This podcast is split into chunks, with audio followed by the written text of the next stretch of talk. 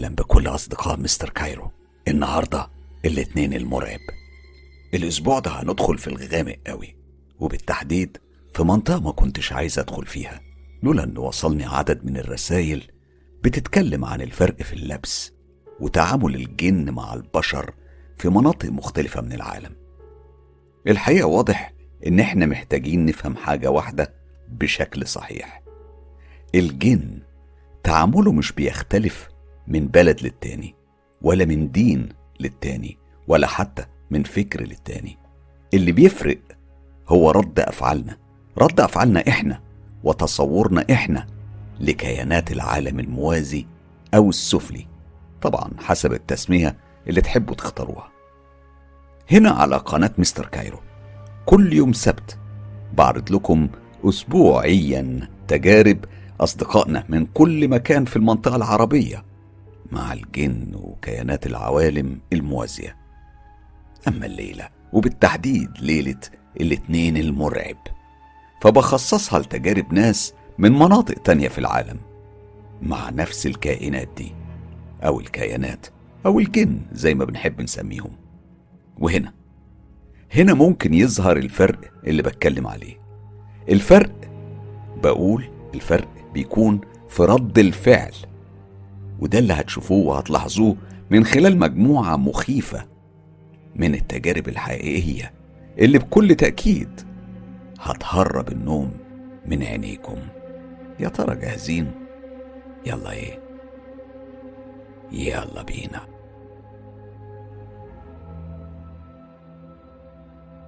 أول تجربة معانا النهاردة وزي العادة خليكم فاكرين دايما يوم الاثنين المرعب أنا بغير أسماء أبطال القصص الحقيقية يعني بشيل اسم اللي بعت القصة وبستبدله باسم حد من أصدقاء القناة من الناس اللي بتكتب دايما في التعليقات. بختار من الأسماء كل أسبوع بختار اسمين أو ثلاثة بشكل يعني عشوائي وبشكل مختلف بحيث أدي فرصة للكل إن أسمائهم تظهر في القصص وفي الحكايات. فأول تجربة معانا النهاردة التجربة المرعبة اللي هتسمعوها حالا هي تجربة أسيل. تعالوا نسمع القصة وأحداثها وخليكم مركزين قوي في الفرق ما بين رد الفعل بره وفي المنطقة العربية. أنا اسمي روزا. التجربة دي أنا مريت بيها مع مجموعة من أصحابي سنة 2014 كنا في فترة الصيف والكنيسة الكاثوليكية كانت عاملة معسكر تثقيفي لمدة ثلاث أيام في مبنى الكلية. كنا بنقضي معظم اليوم بنصلي ونغني ترانيم لربنا سبحانه وتعالى. وبعدها بنحضر محاضرات دينية. كان أيامها في واحد من أهم رموز الكنيسة الكاثوليكية وكان اسمه الأب حاتم. الأب ده جه مخصوص علشان يدينا محاضرات مهمة ويقوم بمراسم الخدمة. في الوقت ده كان في من وسط الطالبات اللي كانوا بيحضروا الاجتماعات دي بنت اسمها أسيل. ودي كانت واحدة من ضمن مجموعة مشهورة ولها شعبية كبيرة بين بنات الكلية. هي كانت سمرة شعرها كان طويل قوي وأسود فحمة. وأكتر حاجة ممكن تلفت نظرك ليها كانت ضوافرها. ضوافرها كانت طويلة جدا وبشكل مبالغ فيه. ومش بس كده دي كمان كانت بتستخدم طلاق أظافر لونه أسود. وده كان بيشدك إنك تبص لها وتلاحظ إيديها أكتر وأكتر. طبعا يعني الفترة دي كانت عبارة عن ثلاثة أيام أو اجتماعات لمدة ثلاثة أيام واحتفالات. في اليوم التاني من التجمع ده والساعة كانت حوالي تسعة مساء إحنا كنا كلنا متجمعين في الساحة الرئيسية بتاعت الكلية. كنا بنحضر يعني حاجة زي جلسة صلاة جماعية مع الأب حاتم. الأجواء كانت جميلة. كلنا كنا متجمعين على معاني حلوة يعني صلاة وأدعية لربنا علشان يتقبلنا ويتقبل صلاتنا. الكل كان مستمتع جدا بالجو العام. لحد ما بدأ الأب حاتم يذكر أسماء بعض القديسين اللي كان مشهور ومعروف عنهم عداوتهم للشيطان الرجيم وللأبلسة. والقديسين دول تحديدا بأسهم كان شديد في مواجهة الشياطين. وده اللي إحنا كنا بنعرفه عنهم من كتر ما تربينا من طفولتنا على حكايتهم الأب حاتم قعد يقول أسامي القديسين دول علشان يفكرنا إن الإنسان دايما في حرب مع الشيطان وإن دول هم مثلنا الأعلى في مقاومة الشر والبعد عن الخطيئة. إحنا كلنا كنا مركزين جدا مع كل اسم بيتقال. مشاعرنا كانت جياشة والإحساس كان مرهف. كنا كأننا بنصرخ في وش الشيطان بكل قوتنا وبكل معاني الإيمان واليقين بقوة ربنا سبحانه وتعالى.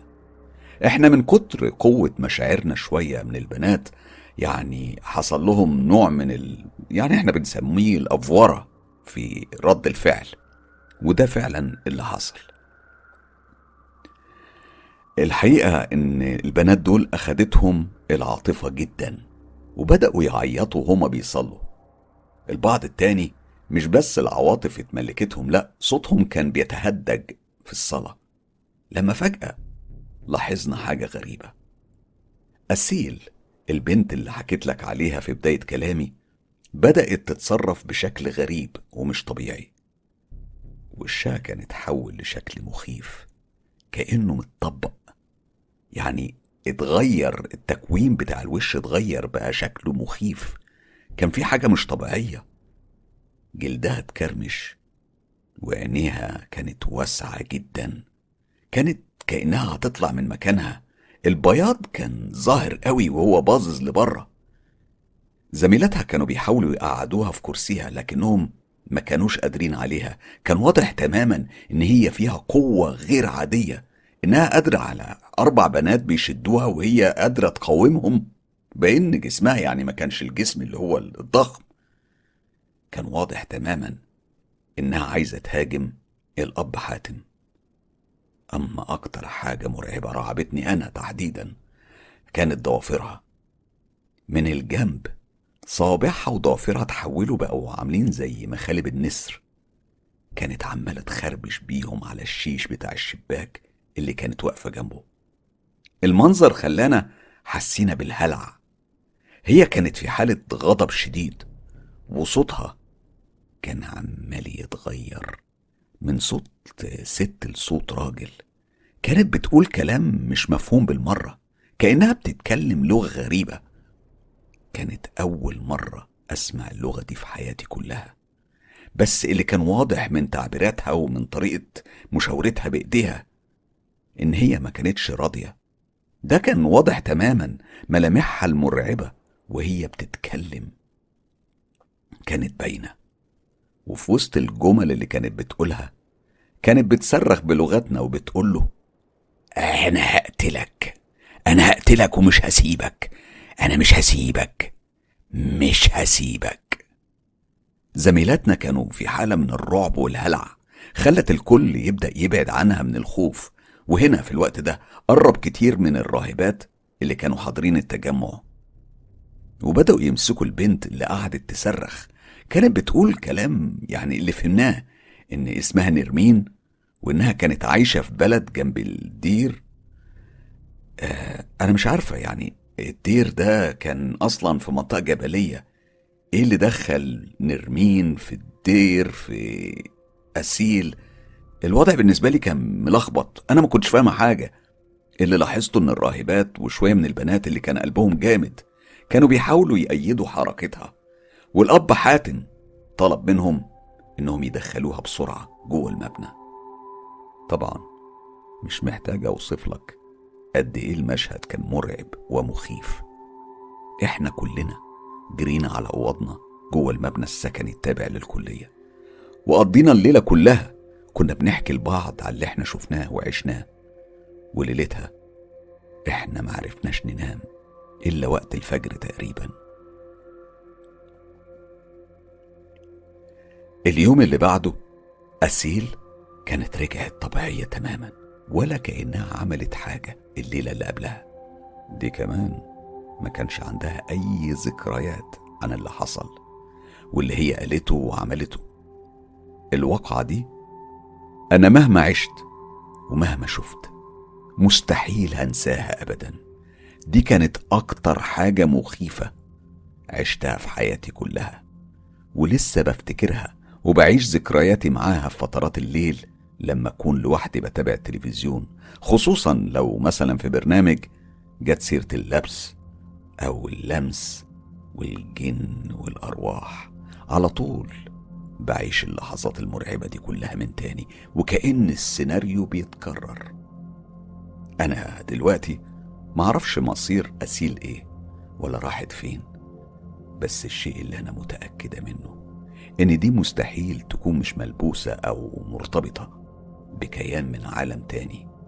ودول فيما يبدو على حسب ما بسمع كتير وفي كل حتة موجودين في كل مكان في العالم.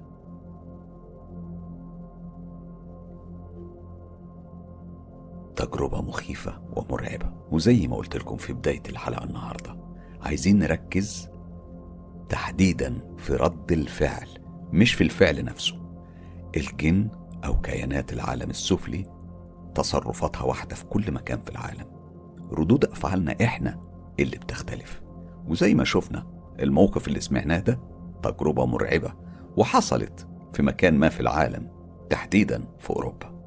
تعالوا دلوقتي ننقل على قصة تانية في منطقة تانية في العالم ونشوف برضه رد الفعل كان إزاي. التجربة دي هسميها تجربة هيثم.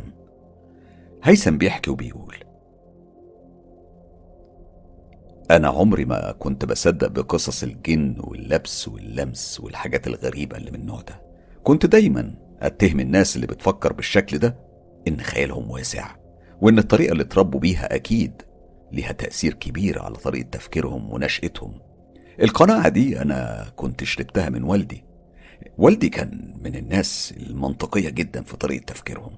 بيرفض الحاجات دي وعلى طول بيقول عليها خزعبلات وناس دماغها فاضية. دي كانت الطريقة والمناخ اللي أنا كنت عايش فيه. تفكيري يعني اتكون في الجو ده. لحد ما في مرة حصل لي موقف. اليوم ده أو التجربة دي يوميها كنت خارج مع أخويا في عربيته والموقف ده غير من طريقة تفكيري للأبد. الكلام ده قد يبدو غير منطقي وقد يبدو غير عقلاني بس اللي هحكيه هو ده اللي أنا عشته وهو ده اللي حصل لي. الموقف ده تحديدا حصل من كام سنة فاتوا مش بعيد قوي ومش قريب قوي لكني ولحد النهاردة متأثر جدا بالموقف الغريب واللي لحد النهاردة أنا مش لاقي له أي تبرير. غير إن كلام والدي ممكن يكون غلط أو إن والدي يمكن ما جربش واللي جرب غير اللي ما جربش. أنا تحديدا في اليوم ده جربت وجربت وعشت تجربة مستحيل هنساها. عمري وقت التجربة دي كان حوالي 17 سنة. كنا خارجين أنا وشريف أخويا في عربيته. شريف أخويا ده أخويا الكبير. وكنت مشغل أغنية من أغاني ال black metal المشهورة باسم أغاني عبدة الشيطان. الشريط اللي كنت مشغله ده كان أساسا بتاع أخويا. والفرقة كان اسمها Iron Maiden دي فرقة hard rock إنجليزية مشهورة جدا. أنا كنت بردد كلمات الأغنية اللي كانت بتتكلم عن إن المجد للشيطان. أخويا كان عمال يزعق لي وبيقول لي اطفي القرف ده. أنا أنا كنت مستغربه لأن الشريط كان بتاعه أساسا يعني هو اللي اشترى الشريط مش أنا وكان على ذوقه. ساعتها أخويا حاول يشرح لي إن بعض الأغاني اللي على الشريط ده هي عبارة عن آيات من الكتاب المقدس لكنها مقرية بالمقلوب أو مقرية بالعكس يعني. وإن هو لاحظ إن في بعض العبارات اللي بتعتبر طلاسم وتعويذ شيطانية بتتردد في وسط كلمات الأغاني بشكل غريب. وده هو السبب إن هو بطل يسمع الألبوم ده. أنا طبعا في السن ده العناد ركبني وفضلت أشغل في الأغاني وكنت بعلي الصوت وبغني معاها وبردد الكلام اللي كان بيتقال فيها بالرغم من كونه أحيانا كان بيبقى كلام فيه نوع من الاستدعاء للأبلسة. والشياطين وتمجيدهم. أخويا آخر ما زهق قعد يزعق ويصرخ في وشي وكان كل شوية يمد إيديه ويوطي صوت المزيكا وأنا كنت بعمل العكس تماما. كل مدى كنت بزيد عند وعلي صوتي أكتر وأكتر. كنت بردد الكلام وأنا بقوله من جوايا وبإخلاص شديد قوي. لحد ما في الآخر أخويا قام شايل الشريط من الكاسب بتاع العربية وطوحه من الشباك. في لحظتها معرفش إيه اللي حصل لي. أنا اتجننت. أنا كنت في قمة غضبي. غضب عمري ما حسيته في حياتي قبل كده. وشي كان بيطلع صهد وإيديا كانت بتترعش. ضربات قلبي كانت سريعة. كنت حاسس إني بتنطط في مكاني وأنا بصرخ فيه بعلو صوتي. أنا كنت زعلان جدا على الشريط لأني كنت حبه جدا. أنا كنت متعلق بالنوع ده من المزيكا والفرقة دي تحديدا كانت من أكتر الفرق اللي بحب أسمعها. الليلة دي لما رجعنا البيت بالليل أنا حسيت بالندم على كل كلمة قلتها لأخويا. أنا بصراحة كنت مستغرب نفسي جدا إزاي أنا أقول كلام من النوع ده؟ نوعية إني بكرهه وإني عايزه يموت موتة شنيعة وإن أنا بحب الشيطان وبمجده وإني خلاص قررت أنضم لعبدة الشيطان وهعبده معاهم كمان. أنا كنت بقول لنفسي بعدها هو أنا اتجننت؟ أنا اتجننت علشان أقول لأخويا كلام من النوع ده؟ أخويا! اللي ليا! أقول له كلام زي ده؟ وأتهور وادع عليه بالشكل ده؟ أنا أنا أنا مش عارف إيه اللي كان بيتحكم فيا. وبيخليني أقول كلام من النوعية دي. أنا في قرارة نفسي كنت متأكد إني مستحيل كنت أقصد الكلام ده بجد. لكني كنت لسه مستغرب نفسي قوي. وبصراحة كده أنا خفت من نفسي ومن الكلام اللي قلته ده. إحنا بيتنا بيت قديم شوية. وأهلي كانوا من النوع اللي غاوي يجمع أنتيكات. فكان البيت كله عبارة عن أنتيكات وأثاث قديم. البيت نفسه كان معظمه من الخشب واللوحات الأثرية اللي كانت متعلقة في الممرات. هي كمان كانت من الأنتيكات اللي بيجمعها أهلي. أما أوضتي كانت أوضة صغيرة وما كنتش حابب فكرة إن يكون في الأوضة سرير علشان المساحة لأنها كانت صغيرة قوي. فكنت حاطط مرتبة على الأرض بنام عليها. الأوضة كان لها بابين. المسافة من المرتبة لكل باب منهم عبارة عن تقريبا خطوة واحدة واسعة يعني. لما جه وقت النوم بالليل أنا كنت لسه مهزوز من التصرف اللي عملته مع أخويا في العربية في فترة المغربية. المهم أنا قمت نورت النور اللي في الأوضة اللي ما بين أوضتي والسلالم. وسبت الباب مفتوح علشان أشوف وما نمش في الضلمة بالكامل. بعدها ناديت لوالدتي وقلت لها تصبح على خير. مددت على المرتبة وكنت بحاول أنام لكن النوم كان مخصمني تقريبا حوالي ربع ساعة من المحاولات وكنت لسه هروح في النوم لما سمعت الصوت. الصوت ده كان زي صوت خطوات حد بيتسحب على الأرض. الخشب بتاع الأوضة طبعا زي ما وضحت في بيتنا لأنه خشب وقديم. بنقدر نسمع أي حركة مهما كانت بسيطة. فأي حد بيطلع أو أي حد بيدخل بنكون سامعينه كويس قوي. كمان بنقدر نحدد من صوت الخطوات مين اللي بيتحرك أو مين اللي جاي. لكن في الليلة دي والصوت اللي أنا سمعته ده أنا معرفتش أحدد خالص خطوات مين دي لكن لأنها كانت خفيفة جدا وبتتسحب أنا توقعت إنها تكون خطوات أمي. هنا أنا انتبهت تماما وناديت وقلت ماما ماما ماما. مفيش. بعد ما ناديت بحوالي ثلاث ثواني فجأة لقيت الباب اللي جاي من عنده الصوت اترزع جامد واتقفل. الأوضة غرقت في الضلمة تماما وفي الوقت نفسه سمعت صوت الرجلين اللي كانت بتتسحب في الأوضة طالعة بتجري جوه الأوضة وبالتحديد جنب راسي على المرتبة اللي كانت على الأرض. كان في حاجة زي هوا بارد بارد قوي ملأ المكان وريحة غريبة. عمري ما شميت حاجة زيها قبل كده في حياتي. طبعا مستحيل ده يكون حد من أهل البيت. لا مش بس كده. ده مستحيل يكون بشر أساسا. أنا الرعب اتملكني بالكامل. سحبت اللحاف وغطيت نفسي على الآخر.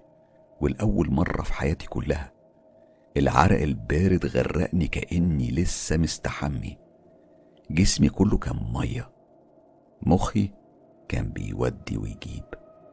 يعني أفكار وسيناريوهات مستحيل كانت تمر في دماغي في أي ظرف عادي. أنا أنا كنت في قرارة نفسي عارف. إن الحاجة اللي جرت في أوضتي لسه موجودة فيها وما خرجتش منها. لا دي كمان في الأغلب. موجودة جنبي على طول دلوقتي. أنا مش متأكد اللي عدوا دول كانوا ثواني ولا كانوا دقايق. أنا من كتر الذعر كنت فقدت إحساسي بالزمن تماما. لكن قراري الأخير كان إني أجري وأهرب من الأوضة بأي شكل وبأي تمن. ما هو أنا مش هستنى هنا زي الفريسة لحد ما الشيء ده يتمكن مني وأنا في مكاني.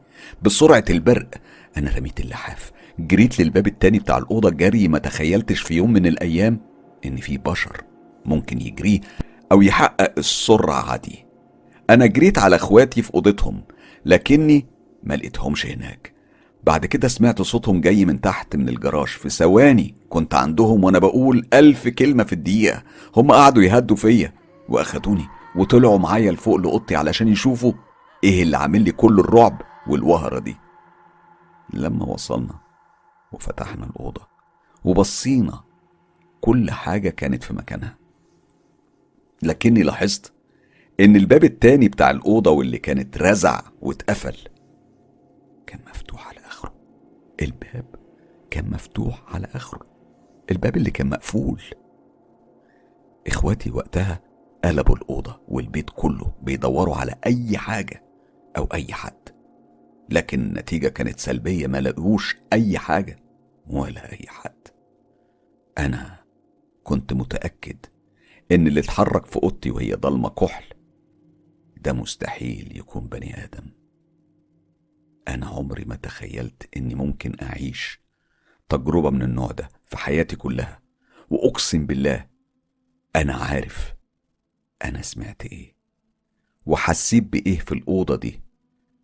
أنا كنت في وعي حسيت وشميت وسمعت كل الحاجات اللي أنا حكيت عليها وما عنديش أي تفسير للي حصل ده. الحاجة اللي أقدر أقولك عليها إني عمري في حياتي ما قررت اللي قلته لأخويا وإحنا في العربية تاني أبدا ولا عمري هفكر حتى إني أجيب سيرة الجماعة إياهم هما واللي بيتبعوه. حد الله بيني وبينهم للأبد. أنا بعد التجربة اللي عشتها دي ودعت أي علاقة أو صلة ليا بأي حاجة ممكن تاخدني في السكة دي أبدا. قصة زي ما اتفقنا برضو إحنا بنلاحظ ردود أفعال بيتعاملوا بره إزاي مع الجن وإحنا في المنطقة العربية بنتعامل إزاي؟ انقلوا معايا دلوقتي على تجربة هسميها تجربة تامر. ودي تجربة برضو مرعبة لكنها مختلفة عن التجربتين اللي فاتوا. تعالوا نسمع سوا. التجربة دي حصلت سنة 2010 أنا عشت تجارب كتير مع الجاثوم. عبر السنين اللي من كترها خلاص بقيت بقدر أتحكم في جسمي وبقدر أقوم من النوم قبل ما الجاثوم يتمكن مني بالكامل. الغريب في موضوع الجاثوم ده إني عمري ما كنت بعاني منه أبدا.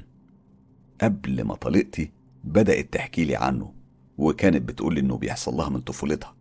المهم أنا مش هقف عند الأسباب اللي خلته بقى بيحصل لي وبشكل متكرر.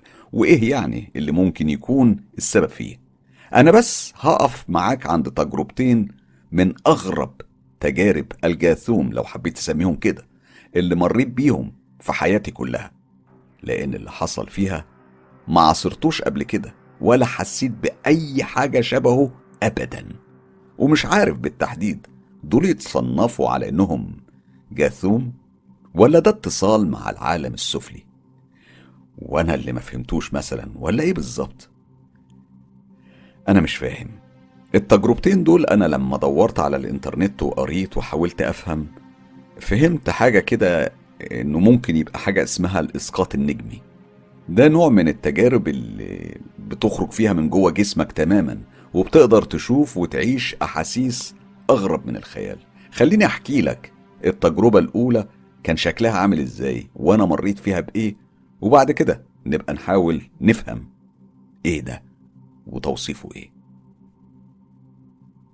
أنا كنت نايم في سريري بتفرج على التلفزيون وتقريبا رحت في النوم. فجأة صحيت من النوم وأخدت بالي إن ما بقاليش كتير نايم والسبب إني لاحظت إن البرنامج اللي كنت بتفرج عليه كان لسه شغال. لكن الغريبة اني لاحظت إني كنت شايف نص شاشة التلفزيون بس والسبب إن الغطا بتاع السرير كان مرفوع لفوق ومغطي نص وشي يعني يعني يا دوب شايف نص شاشة التلفزيون بس. أنا كنت بشر عرق وحران جدا وما كنتش عارف أتنفس كويس. مديت إيدي علشان أنزل الغطا لتحت ودي كانت اللحظة اللي فهمت فيها إن في حاجة غلط. في حاجة مش طبيعية بتحصل هنا والسبب إني كنت كل ما بمد إيدي علشان أنزل الغطا إيديا كانت بتعدي منه بدل ما تنزله. أنا اتخضيت جدا جربت تاني وتالت وكل مرة نفس السيناريو كان بيتكرر بشكل غبي. أنا من كتر الذعر نطيت من السرير ووقتها حسيت بدوخة غريبة في دماغي. جسمي كله كان عامل زي ما يكون منمل على الآخر.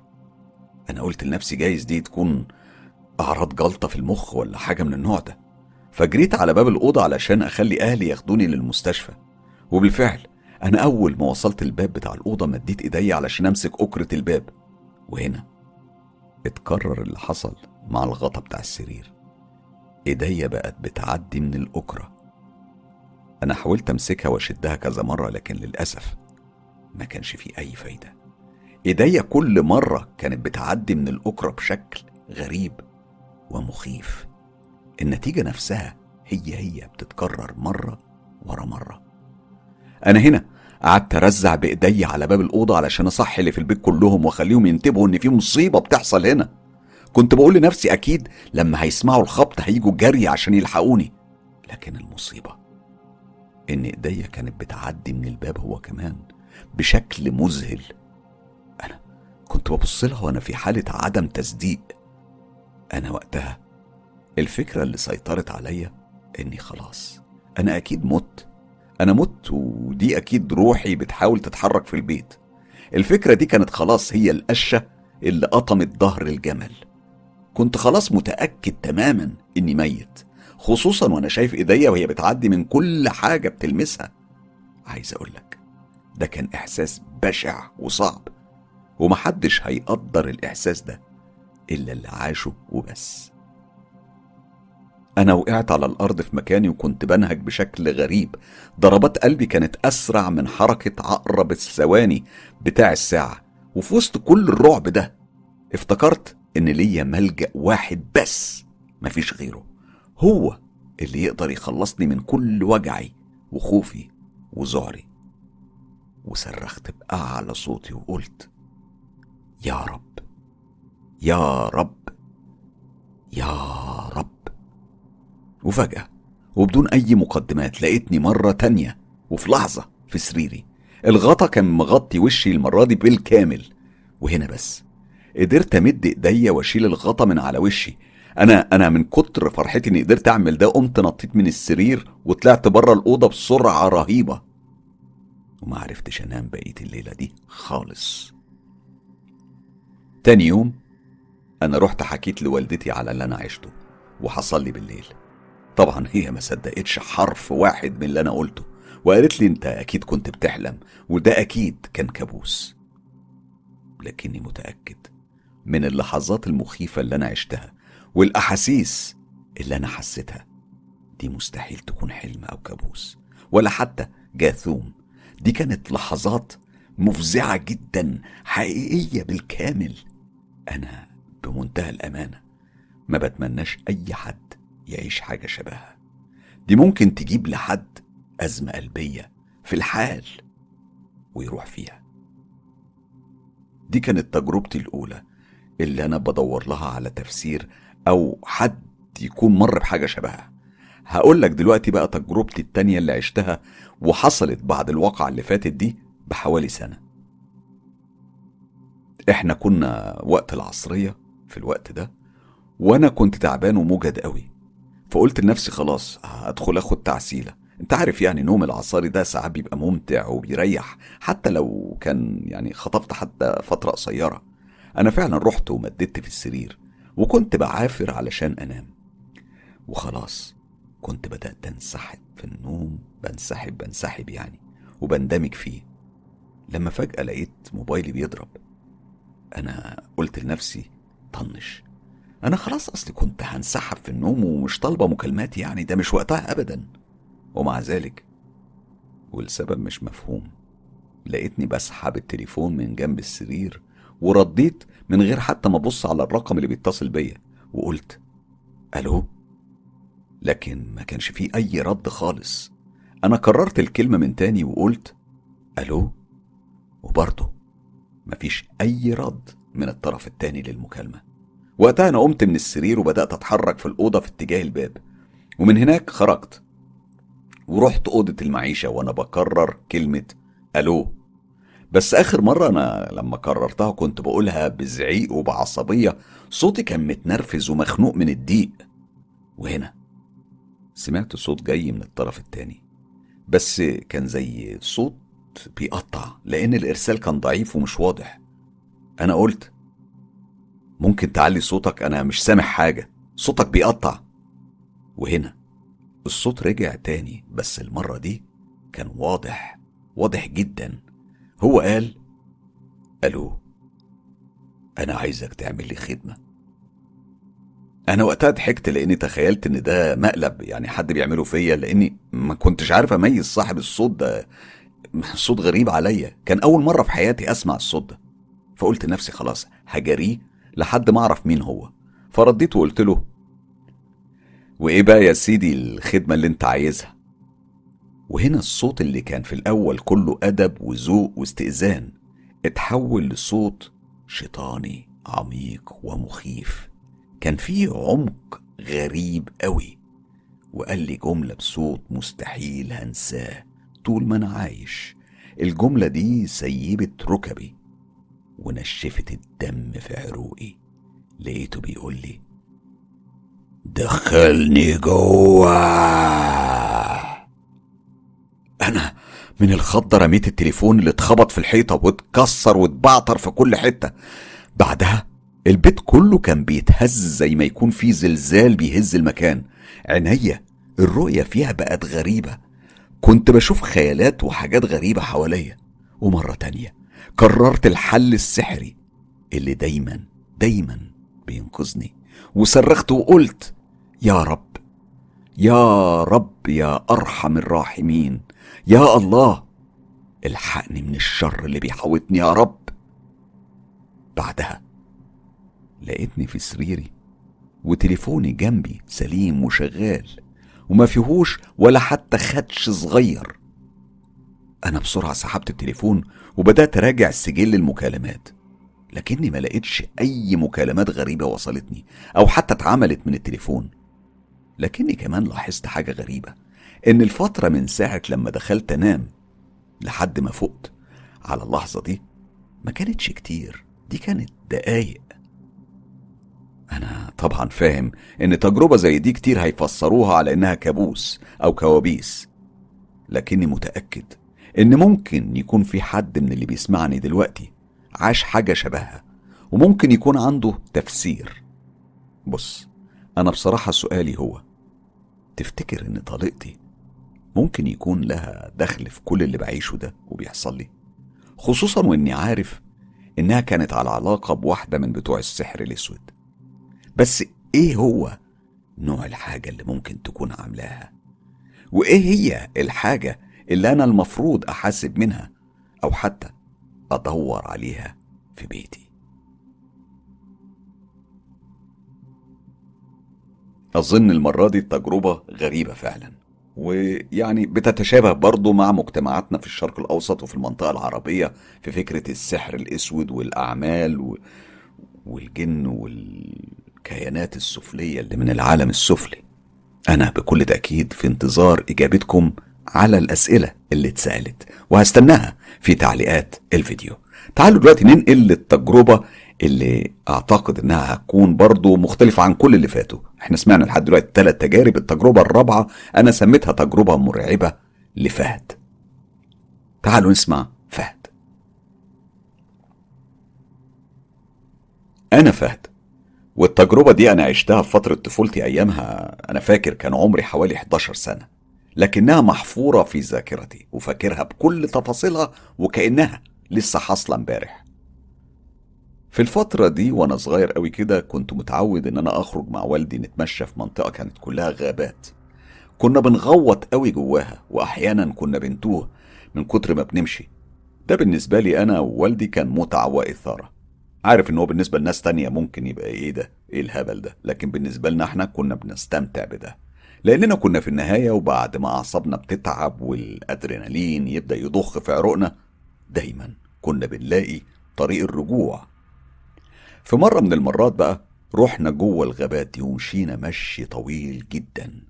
وصلنا لحتة مقطوعة يعني تبص يمينك ما أنتش شايف آخر شمالك شرحه قدامك وراك أنت ما أنتش عارف أنت فين. وإحنا ماشيين فجأة فجأة لقينا راجل مرمي وسط الغابة. وشه كان على الأرض تماما. والدي في الأول افتكر إن الراجل ده ميت. يعني هو الراجل فعلا ما كانش بيتحرك وما كانش باين إذا كان بيتنفس ولا لأ. لدرجة إن والدي اضطر يرفع إيديه ويرجعني لورا علشان كان خايف عليا أشوف المنظر ده بالكامل قدامي. وبعدين والدي مد إيديه جوه جيوبه علشان يطلع التليفون ويتصل بالنجدة. لما فجأة لقينا الراجل ده بدأ يتحرك وبيقوم من مكانه. كان على وشه حاجات غريبة يعني كانت ابتسامة يعني هو وشه كان بيدي خمس انطباعات في وقت واحد. ما كنتش تقدر تحدد هو بيضحك ولا بيكشر ولا عابس ولا تايه. كان خلطة كاملة من التعبيرات على وشه. لبسه كان مبقع بقع سودا غريبة ما كانش واضح دي إيه بالظبط دم قديم ولا زيت ولا إيه؟ المشكلة ما كانتش في كده. المشكلة كانت في عينيه. هحكي لكم على عينيه بس هو بص لوالدي وقال له أنت عارف طبعا أنت لقيت إيه دلوقتي مش كده؟ ودي كانت أول مرة في, حي... في حياتي كلها أشوف رد الفعل ده على وش أبويا. كان مصدوم تماما ومش قادر ينطق. الراجل كان بيصرخ في وش أبويا وبيقول له انت قتلت قتيل. انت قتلت قتيل. انت قتلت قتيل. منظر عينيه كان مش طبيعي. كان لونهم اسود حبر. ما فيهمش اي بياض خالص. وطلع يجري بعدها في الغابة. أنا فاكر اني كنت ميت من الرعب. مش بس كنت خايف ومتلخبط لا أنا كنت ميت من الرعب. ومش فاهم إيه اللي بيحصل ده. أبويا حتى لما بيحكي التجربة دي للناس لحد النهاردة دايما يقول لهم إن ده كان أكتر موقف مرعب عاشه في حياته كلها وإنه كان ميت في جلده من منظر عين الراجل ده.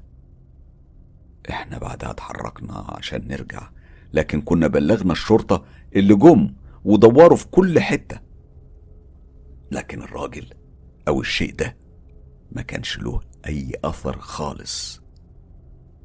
أنا ما خبيش عليك. أنا رحت المكان ده أكتر من مرة مع أصحابي يعني نوع من الفضول. بس ما حاولتش أدخل جوه في نفس المكان يعني لأني كنت خايف إني أقابل الراجل الغريب ده مرة تانية واللي قصته مش مفهومة. هل ده كان راجل ولا حاجة تانية؟ أظن النهاردة كان كوكتيل من التجارب المختلفة كل تجربة لها يعني ظروفها الخاصة بيها ولها الأوضاع الخاصة بيها والكيانات اللي ظهرت فيها. ما أتمناش إن حد مننا يعيش تجربة من التجارب دي أو يعاصر حاجة شبهها لكن للأسف دي حاجات موجودة وعارضة في حياتنا وممكن تحصل لأي حد فينا أنا أو أنت اللي بتسمعني أو اللي بتسمعيني. أي حد فينا ممكن يعيش موقف مرعب زي ده ويمكن أكتر كمان. دلوقتي وصلنا لآخر تجاربنا المخيفة والمرعبة الليلة واللي هتكون تجربة حقيقية من ذكريات مستر كايرو واللي أنا تعمدت إنها تكون تجربة من مصر علشان المقارنة تكون سليمة. اللي أقصده إننا في كل التجارب اللي سمعتوها الليلة كلها كانت من بره المنطقة العربية كانت من أمريكا من كندا ومن أوروبا وشفتم فيها ردود أفعال أبطال التجارب. دلوقتي هنسمع تجربة أنا كنت زعتها زمان قوي في بداية القناة. ومن خلالها هنشوف بقى رد فعل الشرقيين وتحديدا المصريين والعرب على ألعاب الجن. اسمعوا معايا التجربة الغريبة دي والمرعبة جدا. جدي عنده خمس فدادين على أولهم طريق. الزرع كان محاوطها من كل مكان. بالصعيدي بيقولوا عليها على راس الغيط على الخمسة جنيه. كنت باخدهم واديهم للعيال. انت نفسك طلت منهم كتير. وقتها قعدنا نضحك كلنا على الحكاية دي أنا وجدي وخالي. خالي كمان كان قاعد وبيضحك معانا. جدي كمل حكايته وقال كنت بقول في نفسي دول هبل دول ولا إيه؟ أهو رزق وما كنتش بحط في بالي ابدا الحجر واللي بيحصل عنده. غالبا كنت بقول لنفسي يمكن صدفة وده اللي بيحصل. وفضلت كل لما الستات تعدي وتسيب فلوس أخدها. الستات كانوا بيجوا من كل حتة من القاهرة من المحافظات. ده أنا حتى فاكر مرة جت واحدة ست من السعودية ودي كان صوتها مسمع قوي لأنها كانت غريبة وحكايتها كمان سمعت لأن كان بقالها عشر سنين بتحاول تحمل وما حصلش حمل إلا لما زارت الحجر. وقتها الحجر ده خد شهرة رهيبة. أنا بعدها حصل لي موقف فهمت بعده إيه سر الحجر. أو على الأقل بيتهال إني فهمته. في ليلة كنا في الصيف والجو كان حر رهيب فكنا بنشتغل في الأرض بالليل ووالدي الله يرحمه قال لي ابقى لف على اللي شغالين في الأرض وتاكد ان كلهم شغالين ومحدش بيريح وتخليك معاهم وتبقى تروح لما يخلصوا. فقلت له ماشي وأخدت معايا كتاب وقلت فرصة ذاكر وأنا هناك لأني وقتها كنت لسه في الكلية ما خلصتش ومع ذلك كنت متجوز ومخلف أمك وخالتك اللي توفت. وبالفعل وصلت هناك ولفيت عليهم وتأكدت انه كله تمام. وبعدين رحت عند الحجر وقعدت هناك وبدأت أذاكر. فجأة حد ضربني بحجر كأنه من نار مش حجر عادي. الخبطة وجعتني قوي. بصيت حواليا ما لقيتش أي حد خالص. النور كان منور مفيش ضلمة لأن القمر كان بدر بس الدنيا كانت سكون تام. مفيش غير صوت حشرات الليل. ببص جنب مني لقيت جنيه واقع على الأرض جنب الحجر. مسكته وحطيته في جيبي. وأنا ببص قدامي كان في زي كوم التراب عالية ولقيت واحدة ست حامل قاعدة عليها. أنا اتخضيت واترعبت قلت هو أنا بتخيل ولا دي ست بحق حقيقي ولا دي عفريت؟ كنت عايز أصرخ واستنجد باللي شغالين قريب من المنطقة بس ما كنتش قادر أطلع صوتي. الست قعدت فترة طويلة بصالي وما بتتحركش. بطنها كانت قدامها كأنها في الشهر التاسع. أنا سكوتي ما كانش من الخوف بس لا ده كان سكوت جبري وقهري بتأثير الست دي لحد ما اختفت من قدامي. زي الدخان اتلاشت. وما عادش لها أي أثر. وهنا صوتي طلع وقعدت أصرخ على اللي شغالين عشان يجوا يلحقوني. فجم جري وحكيت لهم على اللي حصل. وعدت الليلة العصيبة عليا. وأنا في حالة ذهول وذعر. لما الصبح طلع والنهار شقشق بدور على الجنيه في جيبي. ما لقيتهوش. كان اختفى. فص ملح وداب. كأني ما لقيتش حاجة أساسا. وبعد الليلة دي بتلات أيام بالظبط. كنت بتمشى على الأرض ولما وصلت وسط الغيط لقيت راجل قاعد عند الحجر. قعدت انده عليه أشوفه عايز إيه. ببص لقيت غبار شديد حوالين الراجل واختفى بعدها. ما شفتهوش تاني. دارت الأيام وكبرت يا بنتي وتقريبا الحجر ده الناس شكت إنه من الآثار واتسرق. بس الغريبة إن الستات لسه بتيجي من كل مكان. على مكان الحجر. وفي ستات لسه بيحصل لها حمل حسب ما بسمع من حكاوي الناس.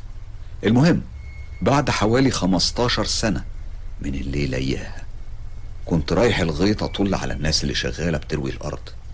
كان معايا أكل وشاي. بعد ما مريت عليهم رحت قعدت بره الغيط تقريبا على بعد متر من الحجر. وهناك شفت نفس الست الحامل نفسها بنفس هيئتها. جاية على مكان الحجر. وحامل زي ما هي وما تغيرش فيها أي حاجة. المرة دي أنا ناديت عليها من مكاني وقلت لها أنا ما أذيتكيش في حاجة ما تأذينيش. راحت رمت عليا نفس الحجر السخن واختفت بعدها. أنا من كتر الرعب اللي عشته رحت الشيخ وحكيت له على اللي حصل لي. قال لي كمل حياتك زي ما أنت. لو كانت عايزة تأذيك كانت أذتك أو أذت أي حد غيرك. ولو حصل وشفت الحاجة دي تاني بص بعيد وكأنك مش شايف حاجة وربك هو الحارس. ومن ساعتها ما شفتش الحاجة دي ولا نعرف الحجر فين اختفى. بس الست دي شافها كذا حد مش أنا بس اللي شفتها. وده سمعته من ناس كتير لما حكيت لهم على اللي عشته وشفته. أنا تفسير إنها ممكن تكون جنية من الجن الطيب اللي ملهوش في أذية البشر. انتهى كلام جدي هنا وأنا فاكرة كويس وأنا صغيرة. كنا بنشوف الستات وهما بيخطوا فوق الحجر. وهقول لك على سر يا أستاذ حسام. أنا مرات ابن عمي كانت ست كبيرة وكانت صعب تحمل. فأمي أقنعت خالتي تروح معاها. ولما راحت قالت أنا كنت بحس وأنا بخطي إن رجلي بتتقل قوي. وخفت. بس كملت. وبعد شهر عرفت إني حامل. ودلوقتي وصلنا لفقرة التعليقات الفقرة المفضلة لكتير من أصدقاء مستر كايرو. أول تعليق معانا النهاردة من أم فاطمة. بتقول لي أنت متخيل إني دوست إعجاب وعلقت وأنا لسه ما سمعتش أي حاجة؟ قبل ما أفتح حاجة وباقة النت فجأة خلاص بقى الأخيرة. عموما هبقى اسمعها لما افتح نت مرة تانية. وإن ربنا سبحانه وتعالى يعني لو كتب لي عمر هبقى اسمعها. أما بقى لو مت اقروا لي الفاتحة. وقولوا كانت ست طيبة عملت إعجاب وعلقت عمياني. بس علشان أنا بثق في محتواك وإبداعك أنا متابعتك المخلصة من العراق. رباب أم فاطمة. أم فاطمة أو رباب. نوريني بقصصك وما تقلقيش. قصصك كلها هتتحكى بإذن الله.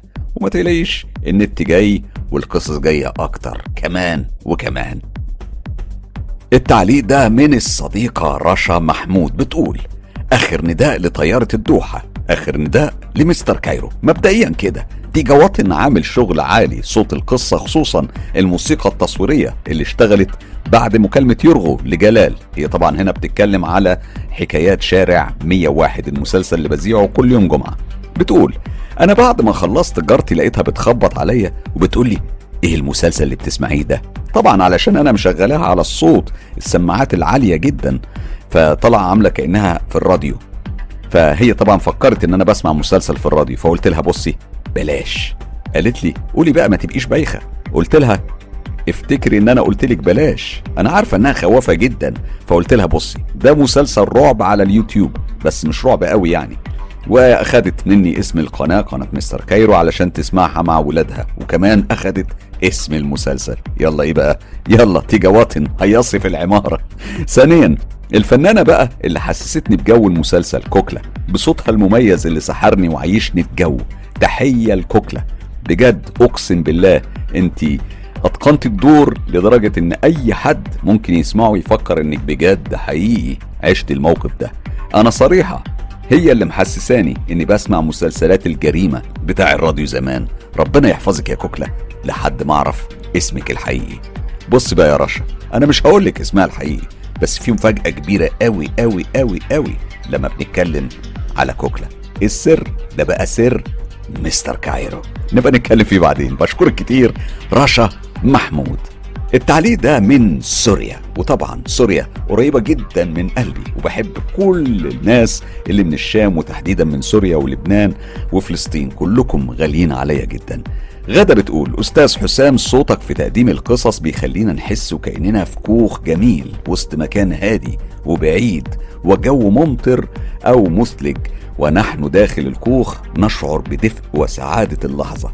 الكلام ده مش مجاملة والله. معاك غادة من سوريا. غادة كلامك جميل وبيشجعني كتير كتير كتير. بجد سعيد جدا بتقديرك وبشكرك وبشكر كل الأصدقاء الغاليين من سوريا العظيمة. التعليق ده من منى محمد بتقول مستر حسام هي بتتكلم هنا على آه، حلقات صايان. أنا جات لي تسلخات في مخي. هو قارون الأمور الحلو المز ده. محبوس؟ هو حضر إزاي مع الموكب ولا أنا إحوليت في وداني؟ أنت لما قلت حصان أسود وعينيه خضرة قلت بس ده مز المزاميز. بس أنت قلت بقى حد تاني باين كده ميخائيل. وبعدين برضه عمال يشطح وينطح. وراح وقف مع عزيز. هو إيه الموضوع بالظبط؟ لو طلع خاين ووحش أنا هنتحر. أنا بقول لكم أهو. أنا بقول لكم أهو. منى ما تقلقيش حلقة السعين اللي جاية كلها مفاجآت وأكيد هتسمعي أخبار هتفرحك عن مز المزاميز ارون مش هحرق أكتر من كده. ننقل لإناس الفقيه حسن صديقتي الغالية اللي بتحكي لنا النهاردة وبتقول سبحان الله. أنا لما شفت الصور اللي رسمتها أختنا من الجزائر لصيان قلت في نفسي ياه إيه ده يا إناس رجعت بذاكرتي لسنين لورا. سنين فاتت لأن أنا كانت هوايتي الرسم وبالتحديد كنت برسم الأميرات وكنت شاطرة جدا برسم الحاجات اللي بعيشها في خيالي الواسع. علشان كده أنا ما استغربتش قصة صيان أصلا. كانت جزء لا يتجزأ من حياتي لما كنت صغيرة. حتى لعبي كنت بعمل دايما أمير أو أميرة والحاشية بتاعتهم. للأسف في حاجات كتيرة كنت بحب أعملها لكن ظروف الحياة دلوقتي بتمنعني أو بتجبرني إن أنا مقدرش أعملها. تخيلت الوهلة إني برسم من تاني لكن إناس تانية صحتني وقالت لي فوقي بقى هو أنت لاقية وقت عشان تحكي؟